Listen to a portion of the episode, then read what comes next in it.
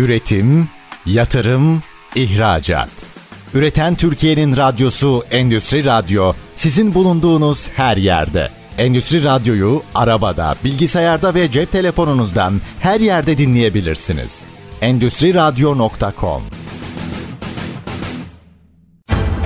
Çetin Ünsal'ın hazırlayıp sunduğu Reel Piyasalar programı başlıyor.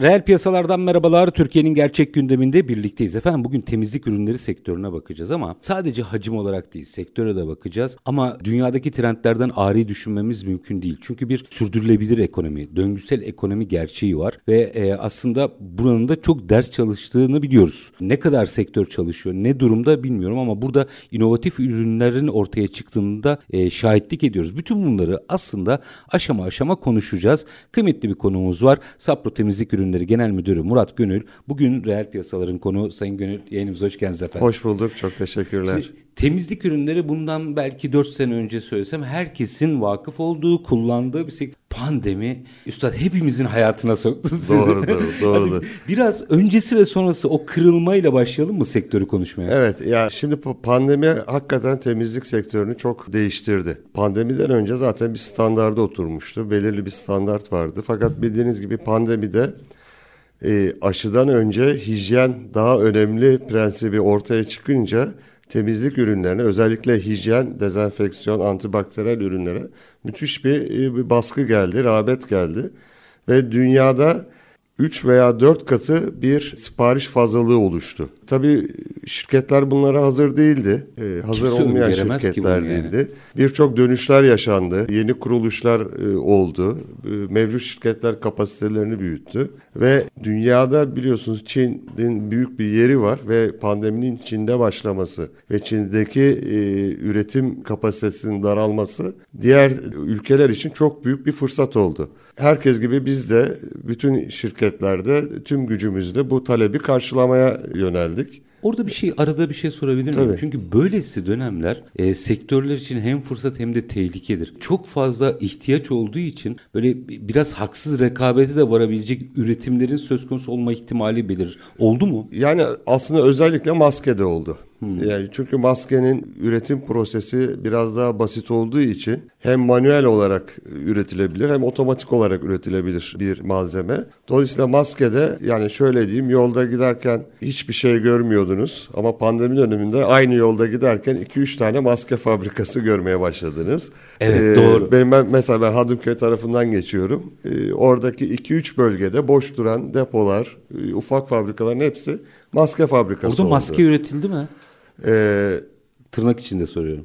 Nerede anlayamadım. Hadımköy'ü kastetmiyorum. Bu fabrikalarda gerçekten maske üretildi ee, mi? Üretildi çünkü e, ama üretim proseslerine baktığınız zaman olması gereken bir hijyen koşulları var. Yani hangi hijyen koşullarında işte. Çünkü maske e, namlovunu alıyorsunuz, kesiyorsunuz, ipini bağlıyorsunuz. Gün sonunda bir tekstil operasyonu olarak bir UV ışınlarından geçirmezseniz ve dezenfeksiyon e, etmezseniz ve hijyen koşullarında üretmezseniz aslında e, bir şey. Bir de gerçek maske aslında üç kat olması gereken ve üç çeşit e, namlumundan üretilmesi, çeşitli farklı üç çeşit üretilmesi Mesela gerekiyor. Bizler onları sonradan öğrendik. Yok yani, yani çoğu şey maske tek katlıydı. Yani bunların bir faydası olmadığı gibi bence zararı da oldu. Ama bir dönem e, bu şekilde geçti. geçti. Tamam, evet. virgülü kapattım. Arada bunu merak ettim çünkü. Buyurun devam edin lütfen. Ee, Tüm şirketler gibi Sapro da biz e, kapasite planlamasını tekrardan gözden geçirdi. E, ve yüzde otuz, yüzde kırk gibi bir kapasite artışına gittik. Ona rağmen e, talepleri karşılamakta zorluk çektik. Fakat e, yıl sonuna doğru yani 2020 sonuna doğru bu talepleri karşılayabilir pozisyonuna geldik. O dönemde sırf kapasitesinde olması bir fayda değildi. Çünkü ham madde kıtlığı vardı. Doğru, tedarik Ham madde fiyatları yani. çok yükseklere çıktı. Aynı zamanda dediğiniz gibi tedarik kırılması meydana geldi tedarik zincirinde. 4 kat 5 kat navlun fiyatları arttı. Yani çok karışık, zor bir dönem geçirdik. Sanıyorum bir yönetici için hani e, simülasyon yapsanız bu kadar olur. Yapamazsınız böyle simülasyon çünkü e, bir talebi planlayamıyorsunuz. Çok fazla bir talep geliyor. Ona karşılık talebi aldınız. Kapasitenizi planlamanız lazım. Kapasitenizde yatırım yapmanız lazım. Kapasitenizi planladınız. Ham maddeleri getirmeniz lazım. Bulmanız lazım, almanız lazım. Orada bir zorluk var. Getirmede bir zorluk var. E bununla birlikte istihdamda da bir zorluk var. Yani kapanmalar olsun, uzaktan çalışmalar olsun. Bunların hepsi bir araya geldiğinde aslında bir yöneticinin yaşaması gereken ve çok şey öğrenmesi gereken bir dönem oldu. Yani bu dönemi yaşayan bir yönetici. Daha sırtı yani benim gö- görüşüm e, başka krizlere çok daha önceden hazırlıklı yakalanır. Yani şu anda bir şey daha olsa artık ne yapacağımızı çok daha iyi biliyoruz. Yani bir ışığı gördüğünüz anda tedariği ne yaparız, nereden buluruz, kaça alırız, nasıl üretiriz Bunları çok daha antrenmanlı hale geldik. Mesleki açıdan baktığınızda aslında evet, çok büyük evet. bir kazanç.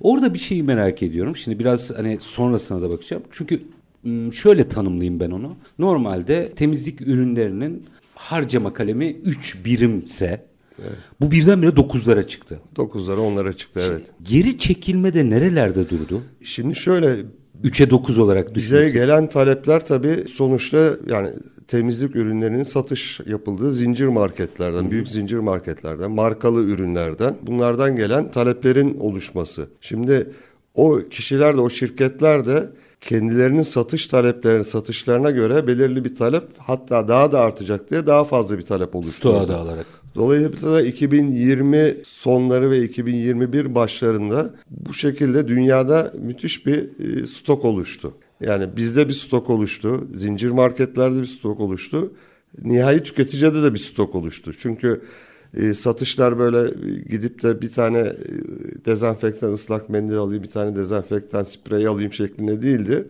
Giden insan o dönemde 4-5 tane mendil, 4-5 tane e, dezenfektan spreyi, başka e, hijyenik malzemeleri alıyordu evine stokluyordu. Dolayısıyla her yerde bir stok oluştu ve pandeminin de e, artık gevşemesi diyeyim. Yani maskelerin sadece kalması hatta onların bile çıkması. Bir şekilde de hijyenik olarak insan elini sildi, vücudunu sildi, eşyasını sildi ama yine Covid geçirdi.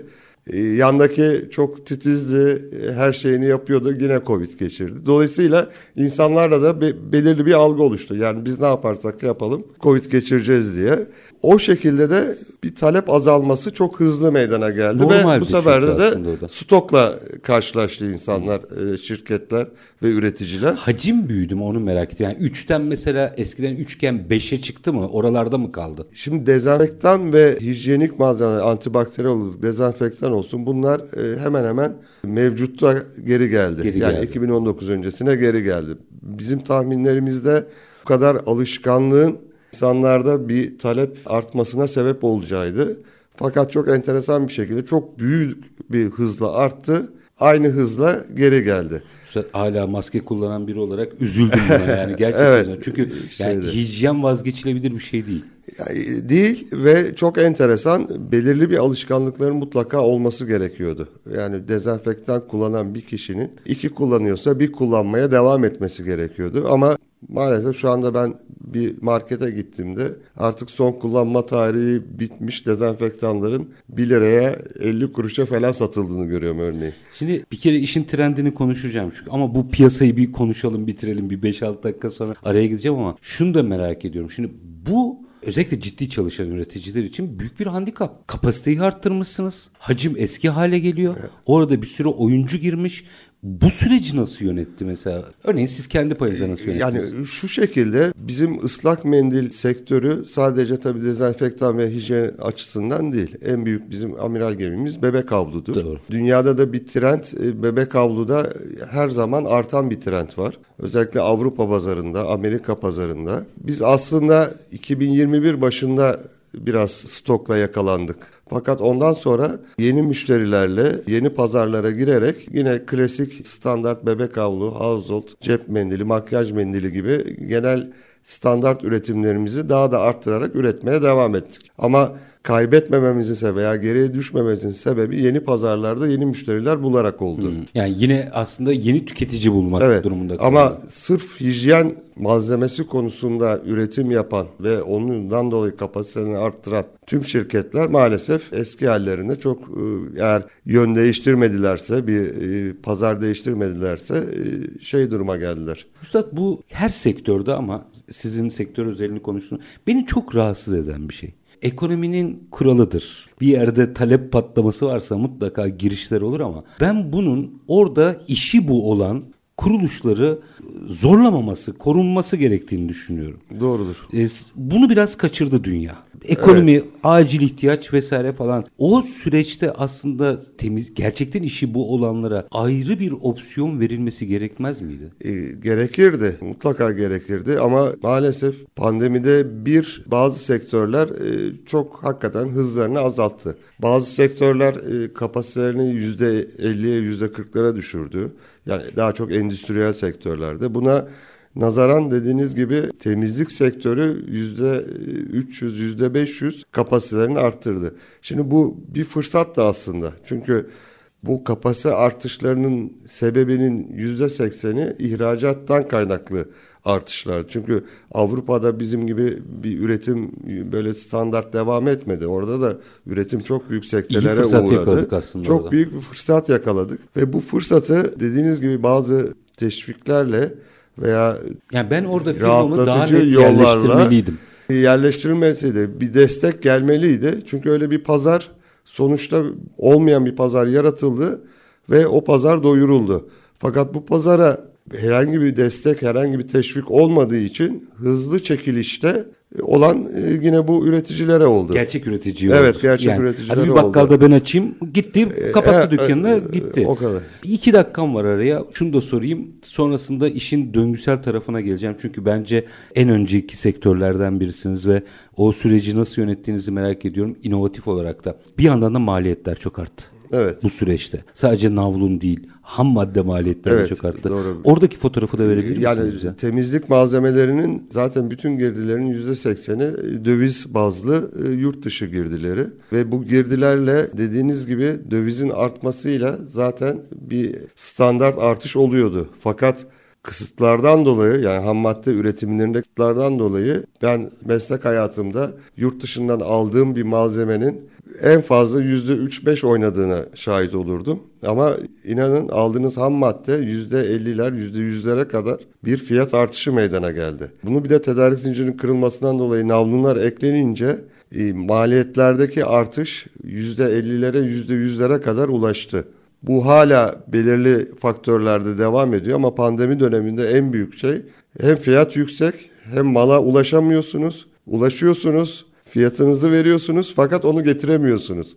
Getirmek için çok büyük bir navlun fiyatı veriyorsunuz. Yani Çin'den navlun 11 kat arttı tam. 11 kat. 11 kat. Konteyner. Gerçi navlun, navlun fiyatlarını her gün veriyorum görüyorum. Pa pandemi döneminde şimdi e, Biraz gevşedi artık yine. gevşedi. Gerçi gevşemiş Şöyle, hali bile İlk e, çıkışın tabii, tabii. çok üzerinde. Yani e, artık zaten 2019-2018'lerdeki fiyatları çok sonra. Herhalde bir uzun dönem göremeyeceğiz. Göremeyecek. Çünkü orada da en azından gemileri durduruyorlar, konteynerleri durduruyorlar. E tabii konteynerleri çektiler. Konteynerler çekince tabii hep yokluktan bu fiyatlar arttı aslında. Müthişsiniz. Şimdi aslında günceli bir konuştuk. Bir aslında pandemi öncesi sonrası bir fotoğraf da çektik. E, ama bir realite de var ki herkesin biraz popüler gündem olarak bildiği yeşil mutabakat dediğimiz evet. mesele ama işte COP27'de konuşulanlar bir süreç, döngüsel ekonomi uzun yıllardır konuşuluyor. Aslında bütün bunlar belli bir eğilimi de beraberinde getiriyor. O eğilimi ve bunun üretime yansımalarını hatta ürün inovasyonuna yönelik hatta belki üretim inovasyonu yönelik gelişmelerini de konuşmak istiyorum. Minik bir araya gidelim. Aranın ardından açalım. Tabii. Efendim Sapro Temizlik Ürünleri Genel Müdürü Murat Gönül bizlerle birlikte temizlik ürünleri sektörünün bir fotoğrafını çektik. Çok net. Çünkü herkeste şöyle bir algı var. Aa pandemi çok iyi iş yaptılar. Evet çok iyi iş yaptılar ama o iş öyle olmuyor tabii. İşte Sayın Gönül çok net e, anlattı. Yönetilmesi gereken bir süreçti. Yönetenler bugün hala devam ediyorlar. Şimdi yönetilmesi gereken bir süreç daha var. Döngüsel ekonomi. Kısa bir ara. Aranın ardından bunu da konuşacağız. Lütfen bizden ayrılmayın. Üretim, yatırım, ihracat. Üreten Türkiye'nin radyosu Endüstri Radyo sizin bulunduğunuz her yerde. Endüstri Radyo'yu arabada, bilgisayarda ve cep telefonunuzdan her yerde dinleyebilirsiniz. Endüstri Radyo.com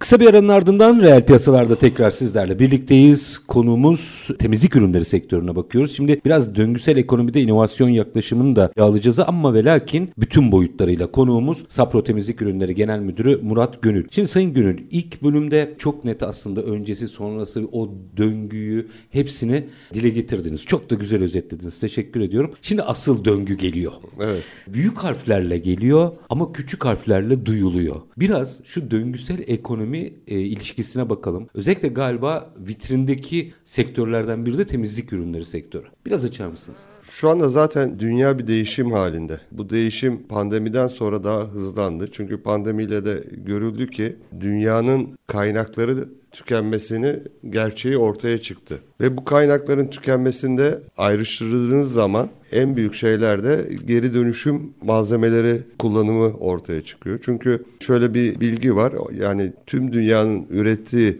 tükettiği 12 aylık malzemeyi ortalamada 18 ayda geri dönüştürebiliyorsunuz. Yani bunun kimi 5 sene sürüyor, kimi sonsuza kadar sürüyor. Kimi 10 saniyede geri dönüşüyor ama ortalamasına baktığınız zaman 18 ayda. 18 ayda yani bir yiyorsunuz, tüketiyorsunuz, bir buçukta ancak onu geri dönüş yapabiliyorsunuz. Dolayısıyla böyle bir şeye baktığınızda artık dünyada bazı şeyler kanunlaşmaya ve kurallaşmaya başladı. Özellikle e, bunun başını çeken Avrupa'da gözle görülür şekilde değişimler başladı. Örneğin plastik vergileri başladı. İngiltere ve Almanya, Fransa bunları uygulamaya başladılar. Her ihraç ettiğiniz ton başına belirli bir bedel ödüyorsunuz ve bunun da devamında daha da sertleştirici kuralların geleceği aşikar görünüyor. Yani yeşil mutabakat. E, yeşil mutabakat o da başlıyor. Mesela e, adı var kendi yani bu konuda duyarlı olanları tenzih ederim ama hani biz mesela biraz sonra konuşacağım inovasyon gibi bir şeylerin altını doldurulmuyoruz ya da boşaltıyoruz.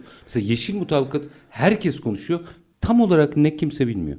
Yani bilmiyorlar. Bilmedikleri gibi de dediğiniz gibi anlattığınız zaman herkes çok rahat anlatabiliyor. Bunları yapmalıyız. İşte enerjiyi, yenilebilir enerji, e, karbon ayak izi, e, sürdürülebilirlik. Fakat realde bunları start veren sadece yenilebilir enerjide ya e, çatılarına enerji dönüştürebilir, elektrik üretebilir, güneş panelleri koyuyor. Ama asıl sürdürülebilirlikte karbon ayak izi ve yeşil mutabakat konusunda üre yapmanız gereken ürünü dönüştürmeniz. Prosesi, ürünü. Prosesi ve evet. ürünü dönüştürmeniz. Biz sadece yüzde beşlik kısımla uğraşıyoruz. İşte nakliyeyle uğraşıyor. Nakliye işte tren olursa daha ne kadar e, e, karbon ayak izi yaparız. İşte enerjimizi kendimiz üretirse ne kadar karbon ayak izini azaltırız. Fakat sürdürülebilirliğin asıl temeli ürünü dönüştürmeniz gerektiği gereklidir. Yani ürünü siz yüzde yüz geri dönüşebilir halde yapmadığınız sürece bu genel toplama baktığınızda yüzde on kısımla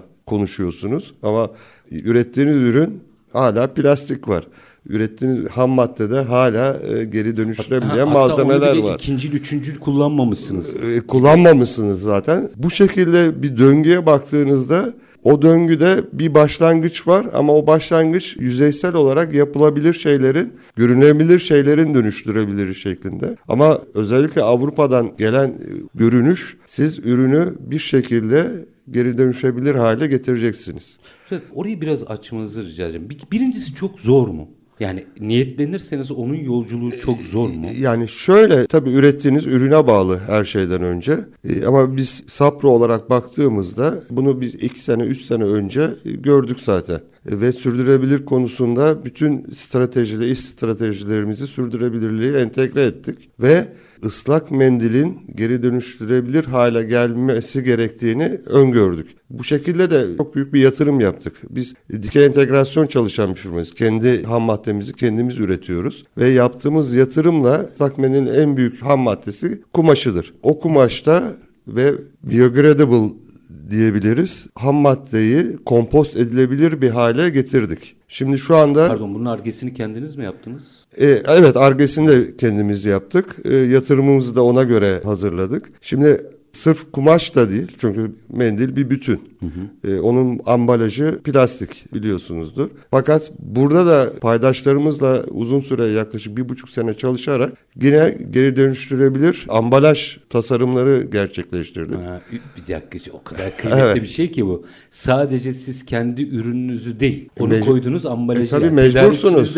Mecbursunuz. Çünkü siz mendili kullanıp atıyorsunuz. E, ambalajı da atıyorsunuz sonuçta. Ambalaj da normalde pet bir malzeme. Pet polietilen bir malzeme. Ya çok özür diliyorum. Yani bu işin muhatabı olduğunuzda şey mi diyorlar? Yani kullandığın ambalajda senin ee, ürünün tamam. Şimdi Avrupa'da da dediğim gibi hani Türkiye'de biz nasıl yüzeysel olarak işte geri dönüşebilir enerji panelleri gibi başladıysak Avrupa'da da bu iş ambalajdan başladı. Yani ambalajın geri dönüştürebilir talebi gelmeye başladı. Kurtaramıyorsunuz yani. Kurtaramıyorsunuz ama tale yani kişisel talepler yani marketlerin talepleri içinin de e, geri dönüştürebilir olması ve kanunsal olarak da bunun çalışmaları yapılıyor. Yani büyük bir olsa 2023 veya en, veya en geç 2024'te artık tüm ürünü geri dönüştürebilir talep etmeye başlayacaklar. Avrupa ile çok çalışan bir firmasınız. Yani biz ee, ihracatımızın %75'i Avrupa. O yüzden bu konuyu böyle biraz daha detaylı değerlendirmenizi rica edeceğim. Çünkü biz başımıza veya karşımızdan gelen tsunami'nin çok farkında değil.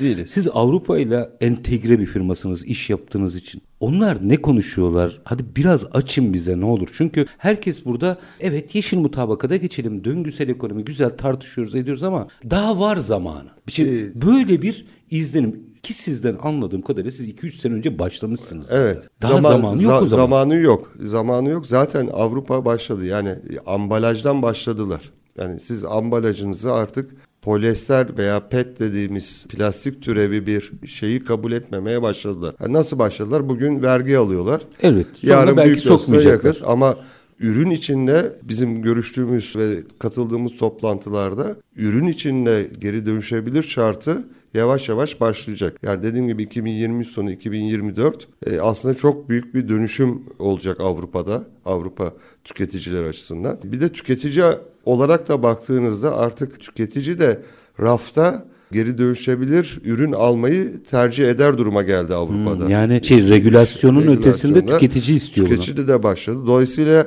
Avrupa'ya ihracat yapan tüm firmaların bu kısa bir dönemde ürününü çalışmaları gerekiyor. Fakat bu böyle 6 ayda 3 ayda hadi ürünü değiştirelim geri dönüştürebilir hale getirelim diye bir şey söz konusu değil. Dediğimiz gibi biz 3 senedir 4-5 senedir düşünüyorduk ama son 3 senedir gayet ciddi yatırımlar yaparak e, o ürünü yarattık. Hatta şöyle diyeyim ıslak mendilde dünyada ilk geri dönüştürebilir bir kumaş ürettik. Ya onu birazcık açar mısın? Evet. Şimdi ben hani inovasyona da buradan girmiş oldum. Şimdi inovasyonun da altı yeterince doldurulmadığı için ülkemizde mesela yepyeni bir kumaş çıkıyor ortaya bu çalışmanın sonunda. Evet. Biraz onu açabilir misiniz bize? Ee, ne çıktı? Dünyada ilk olduğu için rahat şöyle, rahat konuşalım. ıslak mendilin kullandığımız kumaşa biz spalnes diyoruz. Non-woven türü kumaş. Bunlar normalde dünyada veya Türkiye'de de polyester ve viskon bazlı ham maddelerden oluşur. Polyester bildiğiniz gibi geri dönüştürülemiyor. Viskon da belirli bir Oranda döngüyle dönüştürülebilir veya çok uzun süren bir şeydi. Biz hem ARGE çalışmalarımızda hem makine üreticileriyle yaptığımız çalışmada viskon ve wet lace dediğimiz teknolojiyle yeni bir kumaş ürettik. Şöyle diyeyim normal viskondan ham madde boyu daha küçük ürün elde ettik. Bir viskonu 10 proseste üretildiğini düşünelim. Nano, nano mu kullandınız? Yani nano teknolojiyle mi yaptınız? Ee, yok bunu üreticiyle görüşerek yani Hı. 10 prosesten 3-4 prosese düşürdük. Hı, tamam. Şimdi Dolayısıyla bir karbon ayak izinde yaklaşık %15 bir tasarruf ettik onun üretiminde. Ve kompost olarak normal Dediğim gibi %100 viskon biraz daha uzun süre bir geri dönüşebilir ve kompost süresi var. Ee, yeni ürettiğimiz kumaşla bu kompost süresini hemen hemen %30 %40 azalttık. Yani artık yeni kumaşımız bizim şu anda dünyada en çabuk geri dönüşebilir, en çabuk kompost olan kumaş. Üstad burada şimdi tabii yaptığınız üründe bunu kullanmak mümkün. E, sanıyorum orada başka bir tedarik alanı da yani dünyaya da satabiliriz bunu. E tabii satabiliriz ama şu anda e, Sapro olarak bizim iki tane namlumun üretim tesisimiz var. Biz yüzde yüz kendimize Kendinize. çalışıyoruz. Yani şu anda rakibi de beslemeye gerek yok. Rakibi de gerek yok. Evet. yani kendi talebimizi karşılıyoruz. E, dünyada reaksiyonu nasıl oldu? Yani şey olarak biliyoruz e, e Şimdi dinleyicilerimiz de konuya vakıftır mutlaka. Üründen çok bu tip teknolojiler ürettiğinizde dünyada hemen yankısı e, farklı e, Dünyada olmuştur. çok büyük yankı yarattı. Ben eminim iki sene sonra artık ıslak hangi ıslak mendil üreticisini alırsanız programınıza hepsi ben bu kumaşı kullanıyorum diye o diyecek. Çünkü e, sonuçta bu bir arge yaptık, bir inovasyon yaptık. Fakat dünyaya açık tabii. Herkes e, yavaş yavaş aynı şekilde üretimlerini dönüştürüleceklerdir. Namom'un üretimlerini. E, yeni onlar da yeni yatırım yapacaktır. E, bu da dünyada başladı yavaş yavaş ama dünyada ilk yapan biziz. Dolayısıyla Tabii ürün olarak yani kumaş olarak bunu ürettiniz. Fakat bunu ürettiniz diye siz ıslak mendilinizi e, yüzde yüz kompost yapılabilir hale getirmiyorsunuz. Çünkü bunu bir ambalaja koyuyorsunuz. Bir de içine e, solüsyon kimyasal koyuyorsunuz. Biz aynı zamanda hem ambalajı da geri dönüştürebilir hale geldik tedarikçilerimizle, paydaşlarımızla. Hem de içine konulan kimyasalları doğal kimyasallardan ürettik.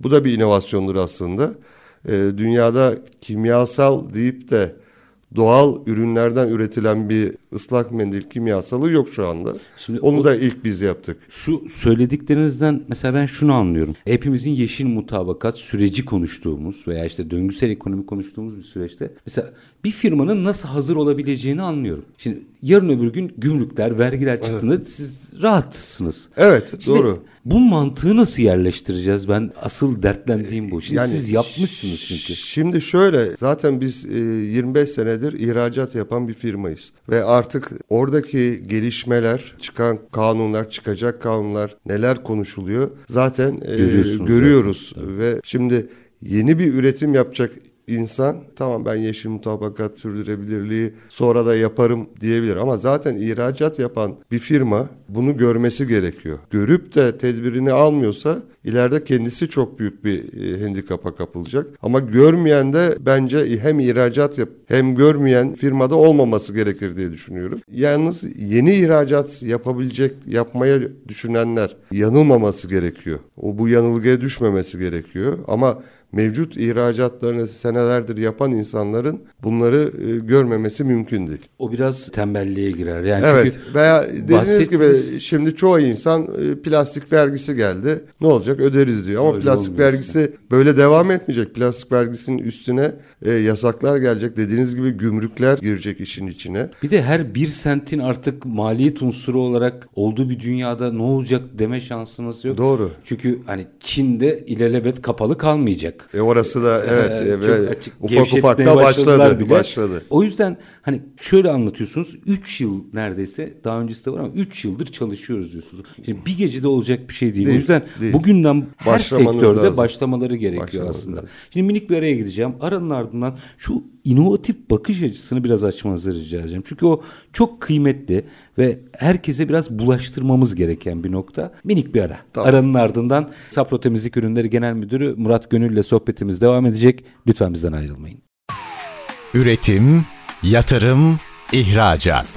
Üreten Türkiye'nin radyosu Endüstri Radyo sizin bulunduğunuz her yerde. Endüstri Radyo'yu arabada, bilgisayarda ve cep telefonunuzdan her yerde dinleyebilirsiniz. Endüstri Radyo.com Kısa bir aranın ardından reel piyasalarda tekrar sizlerle birlikteyiz. Temizlik ürünleri sektörünü ve döngüsel ekonomi ilişkisini konuşuyoruz. Sapro Temizlik Ürünleri Genel Müdürü Murat Gönül konuğumuz. Şimdi aslında yeşil mutabakatla ilgili Nerede? Daha doğrusu yeşil mutabakat tabii bir mutabakat sadece. o süreci kastediyorum onda. Döngüsel ekonomi kastediyorum. Ezberi nerede bozmamız gerektiğini aslında çok net söylediniz. Harekete geçin dediniz. evet. Çok güzel konuşuyoruz. Konuya vakıf bir biçimde bilinçleniyoruz ama harekete geçmek için zaman az. Şimdi bütün bunları yapmanın da aslında anahtar kelimesi inovatif bakış açısı. Biraz burayı da açabilir misiniz? Mesela işte Türkiye İnovasyon Haftası'ndayız şu anda. İnovasyonu konuştuğumuz evet. bir haftadayız. Şimdi böyle bir noktada inovasyon yapmış bir firmanın temsilcisi olarak baktığınızda biz inovasyonu doğru anlıyor muyuz? Yani aslında inovasyonu genelde Türkiye'de yenilik olarak algılıyorlar. Yani yeni bir ürün, fakat asıl inovasyon siz yani yeşil tabakattan konuşuyoruz. İnovatif olarak sürdürülebilirliği de düşünüp, teknolojiyi de düşünüp, iş gücünü de düşünüp dünyaya daha yeni ama her şeyi daha hızlı olan, geri dönüşebilir hızlı olan, teknolojisi hızlı olan, e, sürdürülebilirlik olan inovatif ürünler çıkarmanız gerekiyor. Yani aslında yeni bir ürün olması gerekmiyor. Mevcut ürünün de inovatif evet, olması mümkün. Mevcut ürün de çıkması lazım. Şimdi şöyle bir şey baktığınızda bir firma oturup ben inovatif bir ürün yaratayım diyebilir. Bunun için uğraşabilir ama şu anda bizim bakmamız gereken nokta zaten inovatif bir ürün çıkarmak zorundasınız. Şimdi firmalar bunu kaçırmamaları gerekiyor. Yani ben e, birini taklit edeyim o üreyi yapar nasıl olsa ben ondan alayım şeklinde yaparsanız çok geç kalırsınız. Dolayısıyla ürettiğiniz her ürünün inovatif açıdan ne fayda getireceğini, nasıl sürdürülebilir olacağını, prosesleri nasıl azaltacağını bunların hepsini birlikte düşünüp yeni bir ürün tasarlamanız veya mevcut ürününüzü bu şekilde geliştirmenizi gerektiren fark bir noktadayız. yaratmanız lazım desek yanlış mı olur? Aslında bir üründe fark yaratmanız lazım. Evet fark yaratmamız lazım ve bu farkı da dünya taleplerine uygun olarak yaratmamız lazım. Daha iyi temizlerim, daha iyi e, yaparım şeklinde farklı değil. Iddialarımız e, olabilir. Farklı iddialarla ama bugünün iddiası biraz önce konuştuğumuz e, tamamıyla sürdürülebilirlik konusunda yeni ürün yaratmanız gerekiyor. Çünkü buna bir şekilde mecbursunuz artık. Üstad orada ürktüğüm bir şey var. Şimdi hazır rahat rahat da ders çalışmış bir firma bulmuşken rahat rahat sorayım bunu. Ben şundan ürküyorum hiçbir şey sürpriz olmayacak. Adım adım geliyor. Siz Avrupa ile çok daha entegresiniz. iş gereği görüyorsunuz. Şimdi iki gün sonra e, gördünüz mü Avrupa bizim malımızı almak istemiyor. Avrupa bize zorluk çıkarıyor. Avrupa olabilir başka bir yer olabilir. Avrupa daha sert olduğu için bu konuda evet. Avrupa. Başlangıç Avrupa'da. Evet yani daha evet, sert. Öyle diyelim. Net öncü olduğu için burayı veriyorum. Yoksa yarın öbür gün Amerikan pazarında da bu çıkacak. Doğru. Şimdi bu bahaneleri uydurmak yerine bugünden ders çalışması gerekmiyor mu firmalar? E, gerekiyor. Yani dediğimiz gibi bir yarış halindesiniz ve birileri bu yarışı başladı. E, kimileri hazırlıklarını yaptı, kimisi ürünlerini değiştirdi. E, zaten bu Avrupa'da bu işin adım adım olmasının bir sebebi de şu anda bir vergi koysa, şu anda yasak getirse kendi bir kıtlık çekecek. Yani malı alamayacak bir hiçbir şekilde. Bir de çok doğru da değil ekonomik olarak. E, değil doğru yani. böyle bir çok keskin bir şekilde yasaklama değil. Ama bu bir süreç başladı ve bu süreçte aslında şöyle bir mesaj veriliyor. Siz belirli bir süreniz var bu süre içerisinde bu, Hazırlanın. hazırlığınızı yapıp e, ortaya çıkın bana bu şekilde mal üretin gönderin şeklinde ve bu süreçte bu başladı yavaş yavaş başladı ve belirli bir dönemde o zaman bıçak gibi kusura bakmayın ben sadece bu malı alırım bu şekilde alırım diğerine şu şekilde vergi şu şekilde yaptırım uygularım dediği anda zaten kendine yetecek malı alabilecek üreticiler e, ortaya çıkmış olacak. Tedariğini güvence altına almış Dolayısıyla oluyor. rekabette e, çok negatif bir pozisyona düşeceksiniz eğer hazırlıklı değilseniz. Şu anda kimle rekabet ediyorsanız aynı ürünü üretiyorsanız e, çok zorlandınız mı fiyata baskı yaparsınız. Bazı şeylerden tasarruf etmeye çalışıp fiyat olarak kaliteyi bozmadan fiyat olarak bir pazara girme öngörüsünde bulunursa, hamlesinde bulunursa ama o zaman o da olmayacak. Çünkü sizin malınızla Avrupalı'nın istediği konseptteki mal aynı olmayacağı için siz o pazara giremeyeceksiniz. Üstad şöyle bir ürktüğüm bir yaklaşım var. Bu moda diyorlar. Bu moda değil değil mi? Değil. Çünkü yani açıkçası bu dünya artık bir yerlere gidiyor. Yani 2040'larda 2050'lerde gıda yokluğundan bahsediyor dünya. Gıda krizinden bahsediliyor. 2090'larda yüzlerde iklim değişikliğinin artık çok hissedilebilir bir duruma geleceğinden bahsediliyor ve bunlar zaten 2000 yıllarından beri bahsediliyor. Yani bazı şeyler 2000 lira ama hem devletlerin harekete geçmesi hem kitlerin harekete geçmesi 2015'lerden sonra hızlanmaya başladı. Aslında bu mutabakatlar yapılması gerekenler 2000'li yıllardan itibaren konuşuluyordu. Ev ödevleri vardı yani. E, vardı fakat çeşitli nedenlerle ekonomik belki de belirli kendiler herkes kendi de bir hazırlık dönemi geçirdi. Ama artık bu start verdi ve dediğimiz gibi amaç bu gıda krizinin yaşanmaması, bu iklim krizinin azaltılması. Ama dünyanın kötü yola gittiği yani gittikçe kötüleştiği bir gerçek artık. Tabii, Bunu tabii. kimse inkar edemez ve bununla ilgili herkes kendine düşen ödevi yapmaz ise de ileriki yaşayacağımız dünya hakikaten şu ankinden çok daha kötü bir durumda olacak. Yani artık mesela son COP27'de ülkeleri yeterince agresif olmamakla suçladılar. Evet. Yani artık ülkeler suçlanır hale geldi. E, geldi ama e, bu çok daha erken başlayacakken bu pandemiden sonraki ekonomik krizler biraz da bu işin freni oldu aslında. Yani e, artık sırf Türkiye'de değil tüm dünyada bir ekonomide daralmalar, Ama tam da bu avantaj vardı. değil mi Sayın Gönül? Yani bakın zaman kazandık. E, tabii için. tabii bizim için iyi çünkü bu mesela plastik vergisi yasasından örnek vereyim. Bu çok daha önceden konuşuluyordu. Gerçekten pandemiden dolayı belirli bir süre uzatıldı bunda. Ama start verildi. Diğer şeylerde de böyle. Yani şu anda bir savaşın yaşanması, ekonominin iyiye gitmemesi belirli bir derecede aslında herkese Tolerans bir süre gösteriyor kazandırdı ama bu da geçici bir şey sonuçta. Çok daha hızlı bir şekilde şeye giriş yapılacak. Bir de ıskalanan bir şey var sanıyorum. Ee, mesela herkes tabii sıcak savaştan bahsediyor Rusya Ukrayna'dan ama asıl hemen onun öncesinde çok ciddi bir ticari savaş vardı. Bu da o ticari savaşın bir boyutu aslında. E doğru.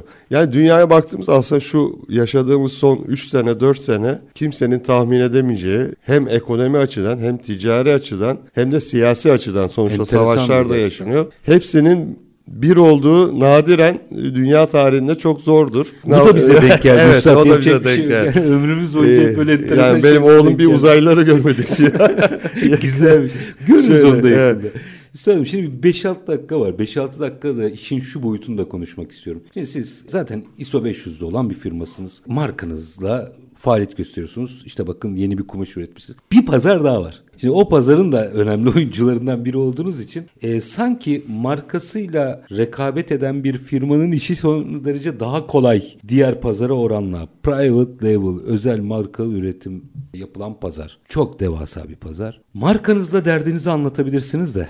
Bu pazarda işler nasıl? Evet yani bu pazar dünyada hızlıca büyüyen bir pazar. Özellikle Avrupa'da, Amerika'da ve Türkiye bölgesinde. Yani Türkiye'de de bu gerçekleri görüyoruz. Şu anda private level payı %30'lara geldi Türkiye'de. Avrupa'da %40-45'lerde. Ve çok enteresandır da bu pandemiden dolayı ondan sonraki ekonomik kriz demeyelim ama ekonomide yaşanan olaylardan dolayı tüketicilerin markadan çıkıp private label'a doğru bir e, dönüşü var, var eğilimi evet. var ve bu çok ciddi bir rakama geliyor.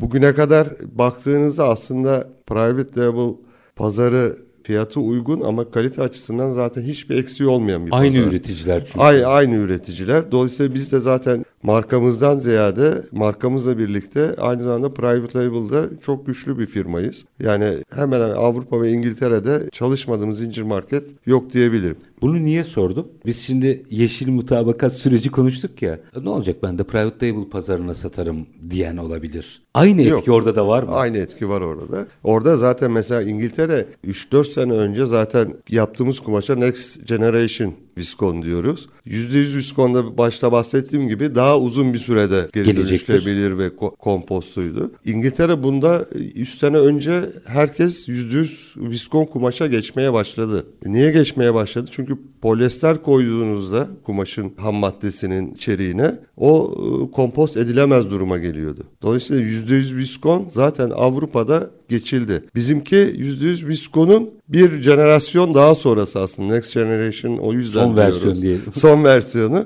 Dolayısıyla buraya da geçecek insanlar. Yani bir bakıma artık plastik herhangi bir şekilde Avrupa pazarından yavaş yavaş da Türkiye pazarından çıkacak. Çok daha başka bir örnek vereyim. Bundan 8-10 sene önce plastik kutulara konulan mendiller vardı. Şey, pardon, ee, temizlik ürünleri sektörü açısından söylüyorsunuz herhalde. Tabii tabii temizlik. Çünkü sonuçta bizim ambalajımız ürünümüze göre çok daha az bir gramajla. Hı hı. Ee, yani ürün 400 gram, ambalaj 5 gram. Ama e, siz de biliyorsunuz özellikle sıvı işin içine girdiği zaman yüzde yüz plastik kutuların içine koyuyorsunuz. Tabii burada Tedarikçilerin aynı şekilde biraz hazırlanması lazım. Örneğin biz compostable veya geri dönüşebilir ambalajla açıkçası tüm üretimini bu şekilde yap dese birisi bunu aynı şekilde tedarik zorluğu var. Hmm. Çünkü ambalaj üreticilerinin yani folyo üreticilerinin ağırlıklı bunların da geri dönüşebilir malzemelerini ham maddelerini bulmaları gerekiyor.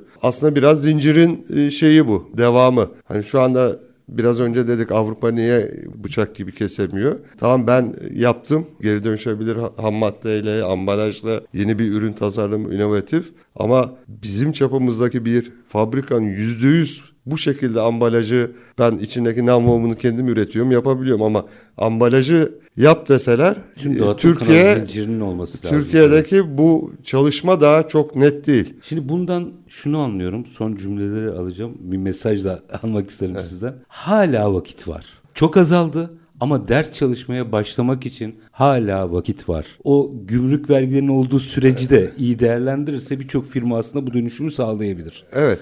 Ne yapmak lazım? İlk kara, kararı verdiniz. Kararı herkes verdi zaten. Herkeste bir karar var.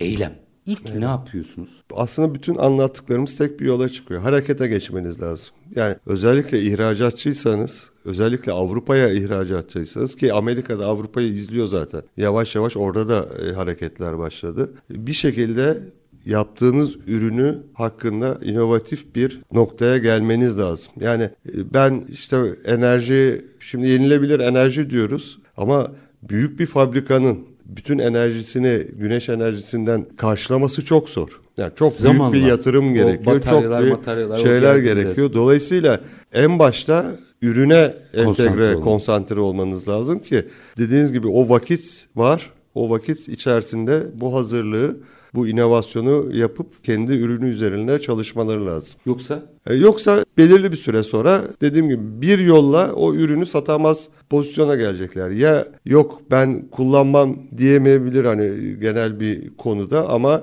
bu sefer vergilerini yükseltebilir. Gümrükte zorluk çıkarabilir. Zaten gümrükte de bunun hazırlıkları seneler önce başladı. Yani REACH kaydılar gibi şeylerle yeni şeyler de gelmeye başladı. Yani altyapıyı çok güzel hazırlanıyor altyapı. İşaretler de geliyor ama belirli bir süreniz var. O süre sonunda mutlaka bu devreye girecek ve hazır değilseniz siz oyuncu olamayacaksınız. Çok hoş bir durum olmayacak. Yani film aslında senaryosu yazıldı, çekimi yapılıyor. Ya filmde evet. aktör olacaksınız ya da sinema koltuğunda seyredeceksiniz. seyredeceksiniz.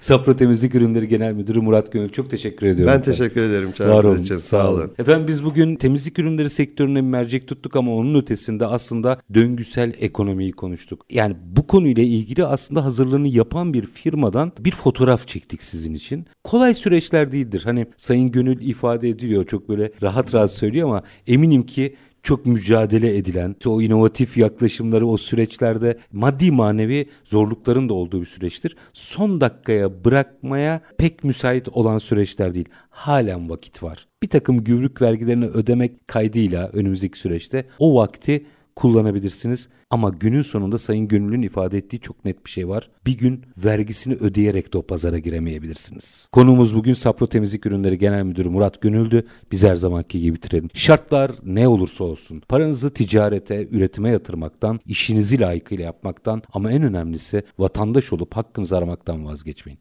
Hoşçakalın efendim.